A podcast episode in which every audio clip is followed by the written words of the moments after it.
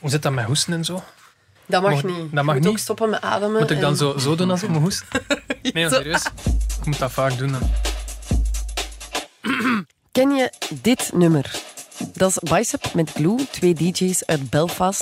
Dat is een van mijn lievelingsnummers, mijn ultieme feestplaat. En dat zijn mannen die echt waar de ene na de andere eh, monsterzaal uitverkopen. En waar kom ik deze week achter? De man die hen voor het eerst boekte in Brussel, toen amper iemand van bestaan van Bicep afwist, is gewoonweg mijn collega, Ewout Dupan. Klopt, ik was wel niet alleen. We waren met twee, ook nog met mijn vriend Stijn. Dat was in 2012, denk ik. Ik organiseerde toen feesten die je ook wel fuiven zou kunnen noemen in Brussel. In ja, veelal kleine zaaltjes of kelders van cafés. Of, dat waren niet echt de grote clubs, want wij deden dat allemaal als een soort passieproject. Veelal illegaal. En hen hebben we geboekt in een zaaltje in de Marollen. Een in, eh, bazaar. de bazaar, ja. Daar in de kelder. Je was daar, Koen. Ik was daar, ja. En daar was, denk 300 man of zo. Maar ik herinner me dat zij speelden in, op de boot. Dat was de Jullie tweede bootfeest, dat was de tweede keer. Ja, ze zijn nog eens teruggekomen, maar toen hebben we ze niet aangekondigd. Maar- We- wilden een Italo-feest doen, dat is een genre uit de jaren 80, dat vooral in Italië groot was, Italo Ja. Disco. En we weten dat ze daar ook grote fan van zijn en zij hebben voorgesteld toen of dat ze voor ons wilden draaien een hele nacht. Samen met de Nederlandse Steffi. DJ Steffi. Ja. Ja. Ook eh, ongelooflijk eigenlijk, want dat zijn toch wel drie ja, sterren uit de underground scene die daar onaangekondigd op een boot voor 200 mensen in de Brusselse haven kwamen 300 draaien. was het. 300. We waren gegroeid intussen. ja. Toch wel de happy few die daarbij mochten zijn. ja, happy few. Iedereen was happy, zeker. Het was, het was fantastisch, ja. En ja, Koen Galle, mensen kunnen jou ook kennen onder de naam DJ Kong. Jij werkt als journalist, je bent ook communicatieverantwoordelijke voor de nachtclub C12 in Brussel. Jij organiseerde ook feesten in die tijd, hè? Ja, die heette Ensemble. Wij deden dat ook op die boot, onder andere. Eh, in de Recyclaar hebben wij dat nog gedaan, in de Beurschouwburg. Oh, Ja. veel, ja, op nog plekken, maar die eh, me niet Te ontsnappen. veel om op te noemen. Mm, Ja, En, en zijn jullie elkaar daar dan eh, tegengekomen of hoe kennen jullie elkaar? ja, zeker. Ja. Wij hielden of houden van dezelfde muziek. En kwamen elkaar daar tegen. En ja, uiteraard, ik vond Ewald zijn feest eh, fantastisch. Ik ging daar heel graag dansen, ja. Ik zie je ogen ook fonkelen als Ja. je terugdenkt aan die tijd. Wat maakte de feesten zo fantastisch? Misschien wel die kleinschaligheid en de ongelooflijke goede muzikale smaak. Ja. Eh, dat, dat via hen dan die jongens van Bicep kwamen draaien, dat was natuurlijk... Dat zijn ook gewoon echt muziekfreaks. Die kennen Ja. zoveel van muziek en dus die kwamen daar met hun favoriete platen draaien. Die vonden dat gewoon fantastisch, je voelde dat. En wij vonden dat ook fantastisch, ja. Ja. Dat waren eigenlijk twee heel gewone Britse gasten. En ik denk, nog maar weinig in mijn leven mensen tegengekomen die zo hard konden feesten. Dat was echt alles kapot, een beetje zoals het cliché van de Britten echt. Ze zijn uit, uit Belfast, uit Ierland. Maar ik ben ook, in al die jaren ben ik nooit iemand tegengekomen die zo gigantische werkethiek had als die twee. Die kunnen een hele nacht draaien en drinken en, en wat, je, wat je ook maar allemaal wil. Maar de volgende dag zitten die om 9 uur in een studio en die zitten daar s'avonds om 6, 7 uur nog. Die gaan gewoon vijf of zes dagen per week werken die in de studio. Omdat die ook beseffen, denk ik, van als je heel veel werkt en je, je wil vooruit en je wil beter worden, dan is dat wat je moet doen. Want het is gemakkelijk natuurlijk om elk weekend ergens te gaan draaien en super hard te feesten en dan is het na vijf jaar gedaan. Maar die hebben beslist dat ze het anders wilden doen en verkopen die nu stadions uit. Ja. Ja. Eh, Bicep staat volgend weekend op de Warehouse Project intussen in de Waagnatie in Antwerpen. Het festival van Horst is ondertussen ook gestart met de wekelijkse Club Night. Het alternatieve nachtleven is de voorbije twintig jaar serieus geëvolueerd. Koen en Ewout, jullie hebben de Belgische elektronische scene van dichtbij zien exploderen, misschien zelfs commercialiseren. Jullie zitten ook boordevol verhalen daarover. En daar gaan we het deze radar over hebben. Welkom bij Radar. Radar. Radar. Uw wekelijkse cultuurpodcast.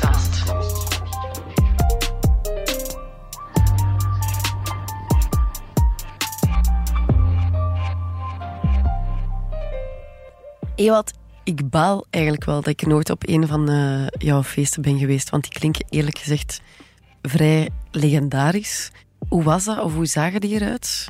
De eerste feesten die we deden, die zagen er eigenlijk gewoon uit als een groot verjaardagsfeest met allemaal mensen die we kenden en vrienden.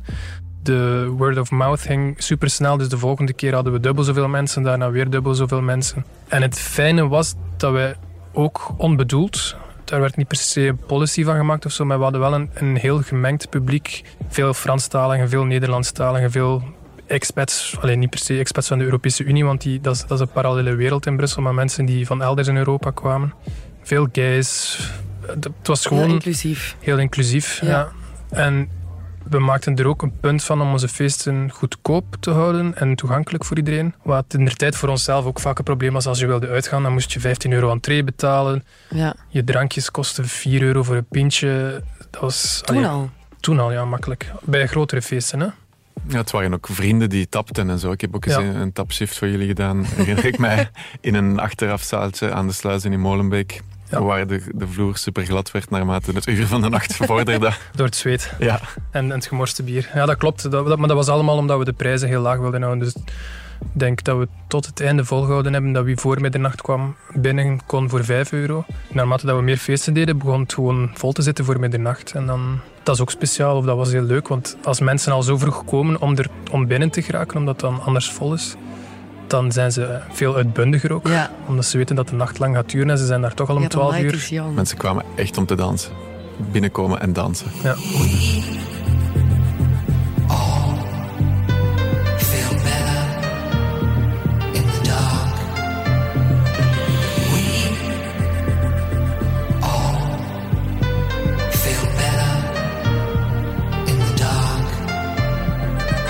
Je vertelde mij ook iets over een oude parochiezaal met een dove priester. Dat is die zaal waarover dat Koen net sprak Ah, ja. aan de sluizen van Molenbeek. Ja, dat was...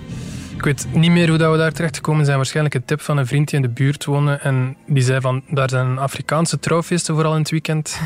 Dus geluid... Het is in het midden van een woonwijk, maar wellicht lukt dat wel.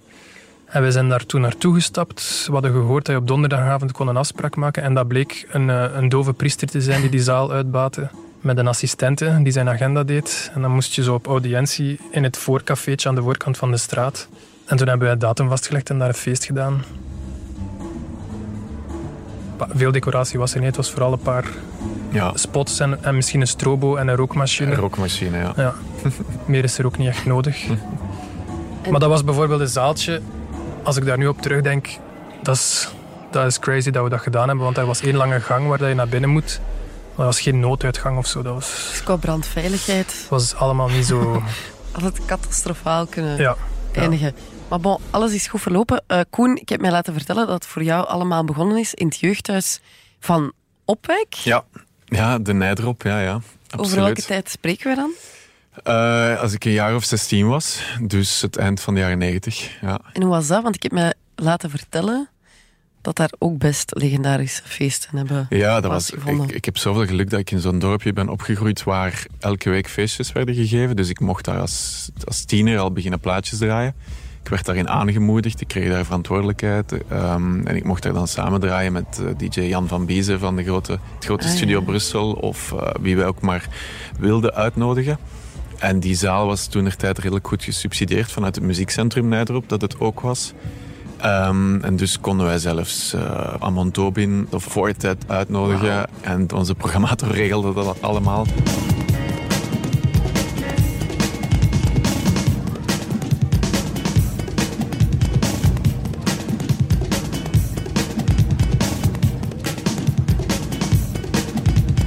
Het was een super toffe plek. En evengoed daar pretpark van de... ja, en daar werd alles gedraaid. Er werd, eh, de- alles wat toen redelijk verbonden met Studio Brussel, maar alles op Studio Brussel. Dus zowel de gitaarplaten als de nieuwe housemuziek die dan in het weekend op zaterdagavond op Studio Brussel werd gedraaid. En ja, eh, wij, wij leerden dat zo kennen en, en ah, super tof. Ik heb nog wel wat platen uit mijn collectie die ik toen in het begin kocht. Ik heb er ook veel weggedaan, want eh, niet alles heeft de tand destijds overleefd. maar eh, toch, eh, dat, was wel, dat was echt een heel eh, leuke periode, ja.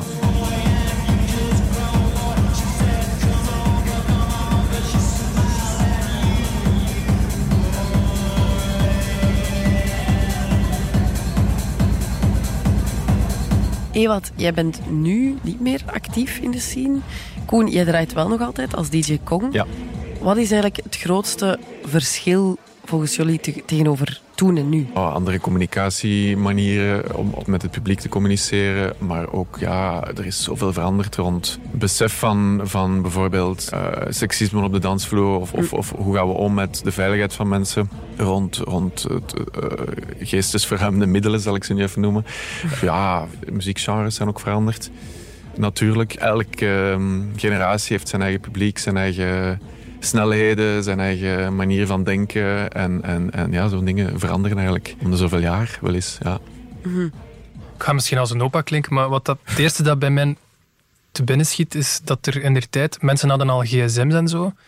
En Facebook bestond en Instagram bestond, maar dat was nog niet zo alomtegenwoordig. Ik weet dat wij op het einde wel zo af en toe een affiche hingen aan de entree van geen filmpjes maken, mensen Ah, moeten ja. op hun gemak zijn Ja. of zo.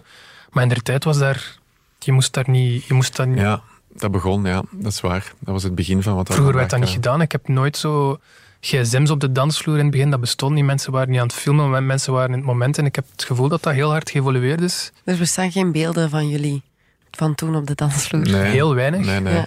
Af en toe was er een Ik fotograaf. stond ook zelf niet op de dansvloer. Ik, zat altijd, ik was altijd iets aan het oplossen dat, dat aan het mislopen was. Ja, Dus, jij was niet aan het genieten van je eigen feest. nee, vaak niet. Er was wel af en toe een fotograaf. En dat, dat, dat is altijd al zo geweest, denk ik. Zo ging dat toen. Hè. En Ja. toen verschenen die foto's op een website. Vroeger Ja. had je zo van die websites, partypictures en zo, .be. Ja, Met inderdaad. zo'n dikke flash. Maar die, dat was niet, niet op onze feesten. Dat was eerder in eh, echte clubs. Ja, ja. Ja, Dus ik- het, is, het is ook gigantisch veel groter geworden. hè. Ik kan mij eigenlijk niet inbeelden dat tien jaar geleden dat er een festival zou geweest zijn zoals Horst of Doelfestival. Tomorrowland heb ik nog weten beginnen. Klink ik weer als een opa, maar heb ik nog weten beginnen in een tent. En ik denk dat daar een paar honderd man was. En dat was Ja. eigenlijk, 2005. Ja. ja. dat was echt een heel, Heel gewaagde gok toen om, om een dancefestival te organiseren. Dat werd niet gedaan. Hè. Nee, nee, nee. Ja, het, het, het, het oeroude dancefestival uh, I Love Techno was denk ik een van de eerste. En dan als ik een jaar of 18 was, was er nog Groove City eh, hier in, in, in de Kart Expo in Groot-Bijgaarden. Bij ons in Merchtem had je de Nitric. Dat was ook zo een van de grote, in een tennishal, een grote vijf.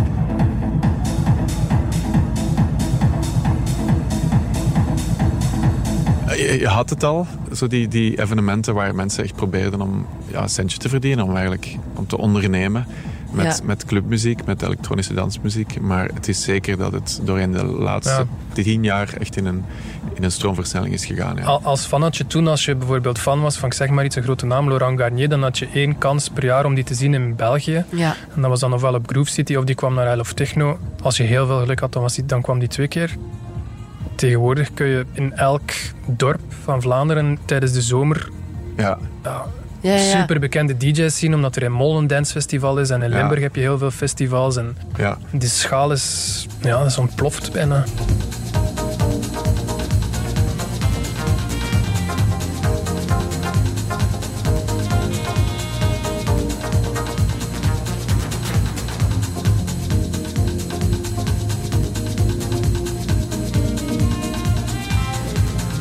Techno lijkt ook steeds meer eh, mainstream te zijn geworden, hè, waar dat, dat vroeger veel meer voor een niche publiek was. Voor mij is dat al gebeurd eh, ergens aan het eind of tweede helft van de jaren 90. Ik herinner me nog heel goed dat ik op Rock Werchter stond en stond te dansen op Laurent Garnier. En ik voelde toen en ook op de radio van oké, er is iets aan het veranderen. Eh, elektronische muziek is ook echt nu deel aan het worden van, van alles. Van reclame op televisie, van, van, ja, van onze muziekbeleving, maar in het algemeen dus van onze cultuur.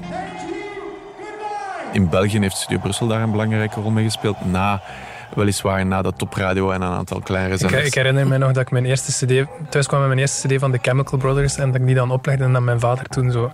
Is dat nu muziek? Ja, ja, ja, ja, absoluut. Dat was toen wel nog de discussie, want Laurent Garnier en de Chemical Brothers en zo, die stonden al op Werchter. Maar je had nog heel hard zo die tweestrijd van zo... Je had muziek die met echte instrumenten Ja. gespeeld wordt en je had ja. muziek die met computers gemaakt Ja. werd. Alsof dat, dat vanzelf ging. Ja. Ja, ja, ja. En Stefan en David de Walen hebben daar toch ook een belangrijke rol in gespeeld door heel veel dingen bij elkaar Absoluut. te brengen. De, nice. de mashups, ja.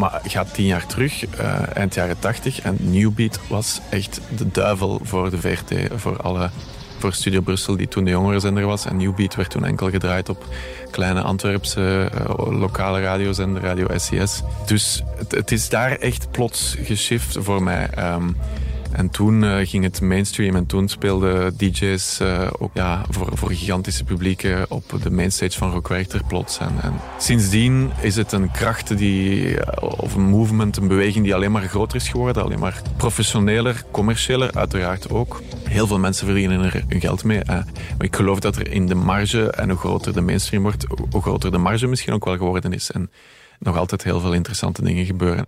Het is vaak in de marge dat er, dat er het meeste ja, uh, wrijving is. Ja. En waar de meeste dingen nieuw gecreëerd worden, die dan weer opgepikt worden door de mainstream en zo verder. Ja, en dat Ja. verklaart misschien ook wel het succes van eh, Horst en, en Ja. de Warehouse Project nu. Ik denk dat sociale media daar eh, een grote rol in gespeeld hebben ook. Maar het, is een beetje, het, is- het gaat niet alleen over festivals, maar evenementen ergens zijn en dat documenteren is gewoon heel belangrijk geworden voor mensen. Mhm. Ehm, Ja. Dat is zo met festivals ook. Als, als er als Dekmantelfestival in Nederland bezig is, of, of Horst in België, en ik doe mijn sociale media open, dan, dan moet ik Ja. echt tien minuten scrollen voordat ik iets anders tegenkom. Eh, Maar dat is ook zo voor hiphop bijvoorbeeld. Hè. Daar hebben sociale media ook een heel grote rol gespeeld. Ja. Dus Ja. dat, is- dat zijn de, de media waarmee, waarmee we cultuur beleven, zeg maar. Ehm, dat heeft gemaakt dat veel meer mensen met elkaar in verbinding staan. En, en dat ook... Het is een luidspreker voor elk genre. hè, Ja. Dat het ervoor zorgt allee, Ja, dat Ja. Horst... Ik zeg nu niet dat Horst gegroeid is door sociale media, maar sociale media en elektronische muziek dat zo groot geworden is, hebben voor Ja. mij toch heel hard met elkaar te maken. Maar heel veel van de ondernemers die, we vandaag, die vandaag groot zijn, de, de, de festivals, de mensen die we nu aanhalen, die zijn ook allemaal in het klein begonnen. Hè. Zoals, Ja. zoals Horst, die eerste editie. Of voor Tomorrowland organiseerden die jongens, geloof ik, Antwerp is Burning. Je moet altijd klein en underground beginnen met, veel vrienden. En, en zo word je dan groter en beslis je op een gegeven moment om daar eh, je beroep van te maken. Ja.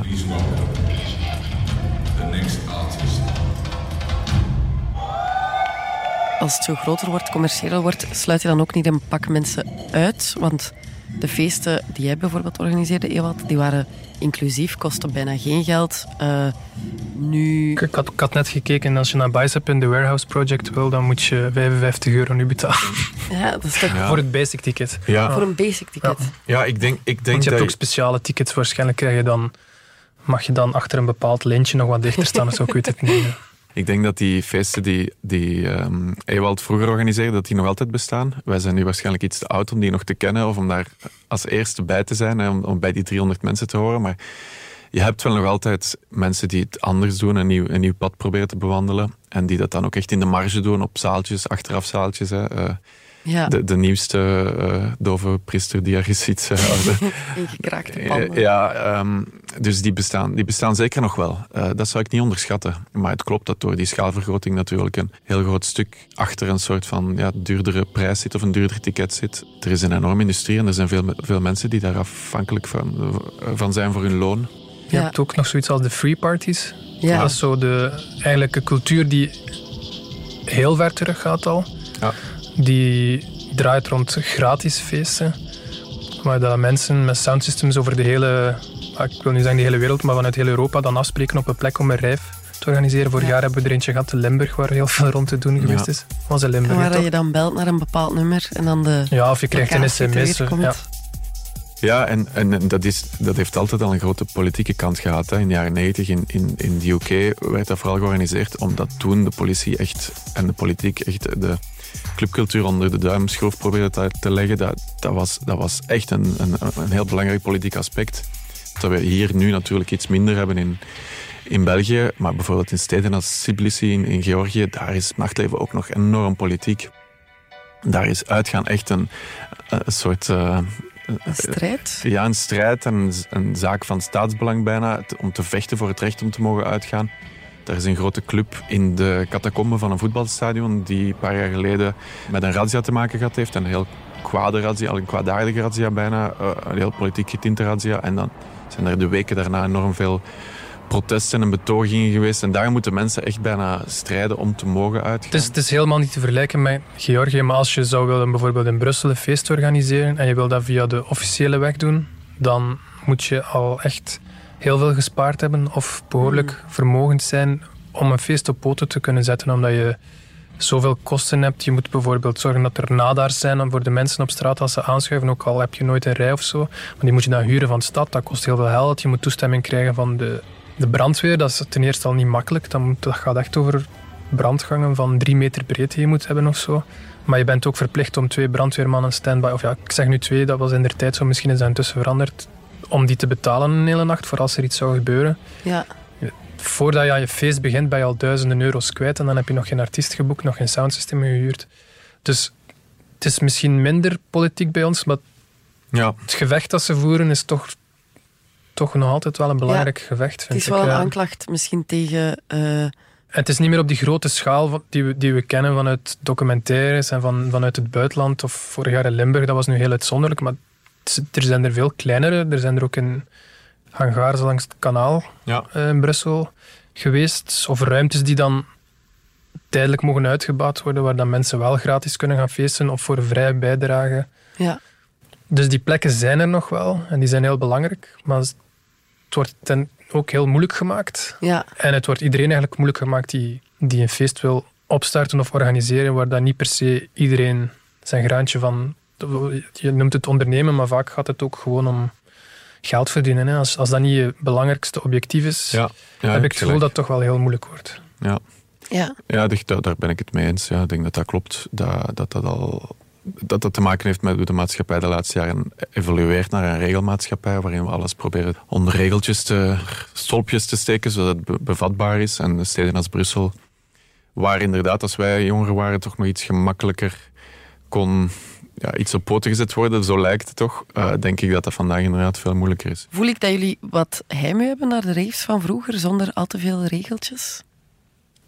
Ik, nostalgie is natuurlijk nostalgie is een heel leuk ding. Ik denk dat iedereen, ik ben ook 40, eh, nostalgisch is over zijn jeugd.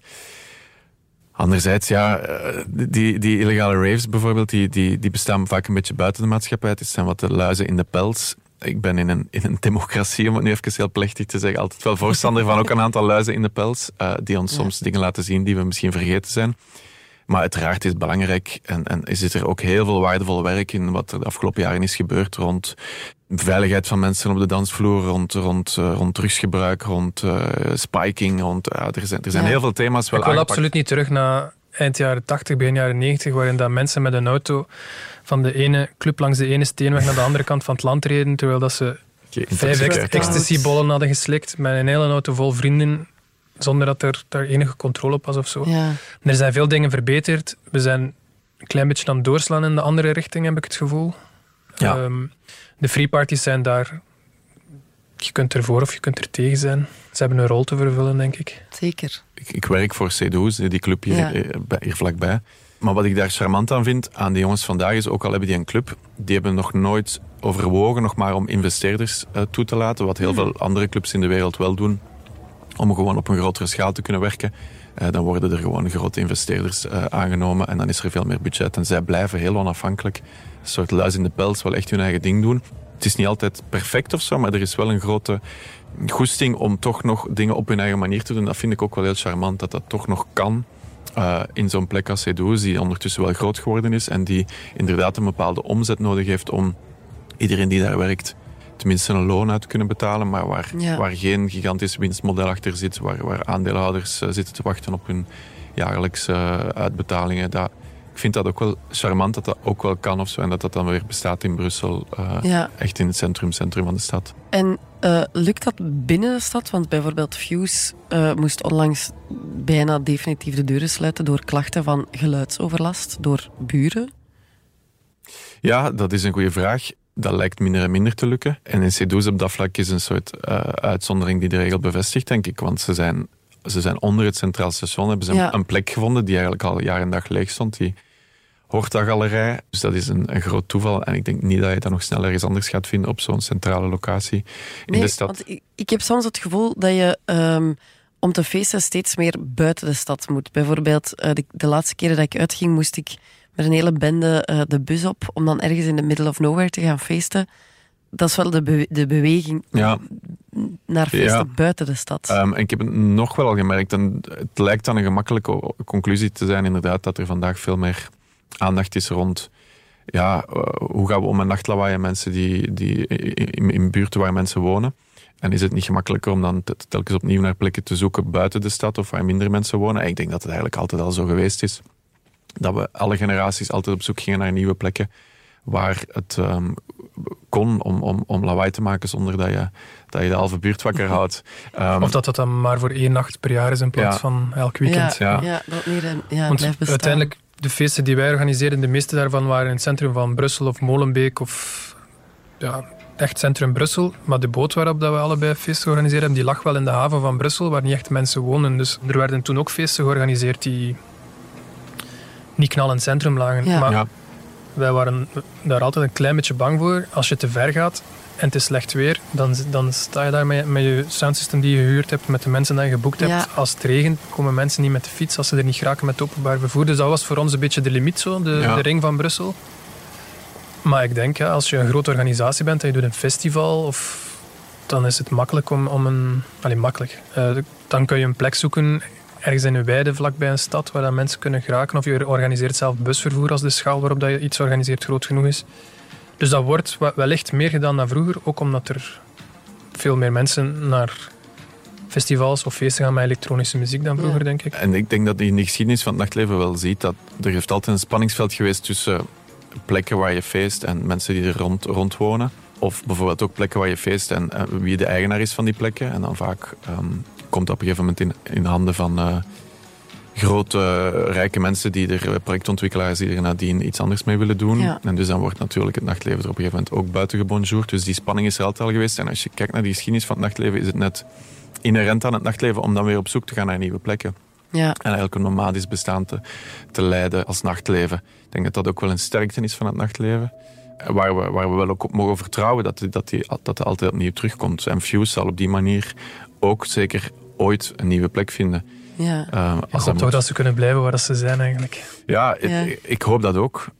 Ik hou ook, ik hou ook enorm van dat gebouw en die, die, Ja. die, die sfeer daar. Maar ik, ik snap ook wel dat er op bepaalde momenten, als er rond mijn huis heel veel lawaai is, ja, dan, dan hoop ik ook dat het op een gegeven moment ophoudt of er een oplossing Het is gevonden een wordt. beetje zoals de luchthaven. Hè? Ja, het is zoeken naar een evenwicht tussen alle, alle factoren die het nachtleven maken. En daar behoren buren ook bij. En dat merk je wel de laatste jaren, ook bij de Brusselse initiatieven om daarover te debatteren ja. dat die buren ook wel meegenomen worden. Ik heb eens een debat meegemaakt waar, waar de buren ook echt kwamen vertellen wat, hoe het voor hen was. En dat denk ik dat alleen maar waardevol kan zijn als iedereen mee aan tafel mag zitten om te overleggen over hoe het, hoe het voor hen is. Mhm. En dan wa- wat de oplossing ook is, of het een verhuis is of het een versterking is van de eh, isolatie. Ik geloof dat in Duitsland is, waar nu een nieuwe regel is dat eh, rond isolatie van clubs, dat als je in de buurt van een club gaat wonen, of, of of dat, er, dat er mee geïnvesteerd wordt in de isolatie van de club zelf. Dus een soort Ah, van ja. omgekeerde regel. Als er bijvoorbeeld projectontwikkeling wordt gedaan in de buurt van een club, dat er mee de isolatie wordt, dat er geïnvesteerd wordt door de projectontwikkelaars of de Ja. mensen die in de buurt komen wonen, om op die manier de cultuur zeg maar, te, te, te bestendigen. Dus er zijn veel mogelijke manieren om daarmee om te Want gaan. Echte fans van de underground, die, voor hen wordt dat dan minder interessant natuurlijk. Die zoeken opnieuw nieuwe plekken waar ze hun- ding Weer vinden. thuis. Ja, waar ze weer thuis voelen. Dat zijn ook, ik vind dat ook altijd zo'n beladen woorden, zo de underground en zo. Ik, nooit mijn bedoeling geweest om underground genoemd te worden. Dat, dat werd zowel gedaan toen dat wij feesten organiseerden. Wij dat is gewoon nooit groter geworden omdat we dat niet wilden, omdat we het net zo gezellig vonden. Ja, Dat is een super... Gezellig. dat is een- mensen, gaan underground. erop, mensen gaan op zoek naar wat dat ze leuk vinden. En als jij het leuk vindt om met 300 mensen in een kelder te staan, waar dat zo warm is dat de helft van de mensen een t-shirt uitdoen en dat het zweet van, de, van het plafond druipt, dan doe je dat. En ja. vind je het leuk om op een groot festival met 3000 andere mensen een soort van collectieve extase te voelen, dan doe je dat. Dus Ja, dat is allemaal oké. Ja, en die zullen altijd naast elkaar bestaan ook. Als je tenminste de plek vindt waar dat je het mag doen. Koen, kunnen we bij jou binnenkort nog ergens zien draaien? Eh, 18 november eh, in de Horstclub, de nieuwe club van Horst. eh, Top. Ja, en eh, nieuwjaar doe ik Cedo's. Ja. Ah. Ja. Om welk uur? 2 uur 30. en een zucht. Daar, we gaan er staan, we gaan er staan. Koen en Ewald, dikke merci om hier te zijn. Graag gedaan. Graag gedaan.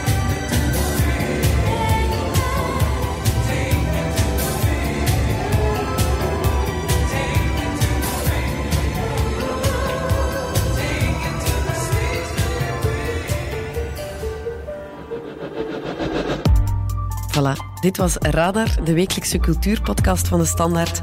Ik hoop dat je ervan genoten hebt.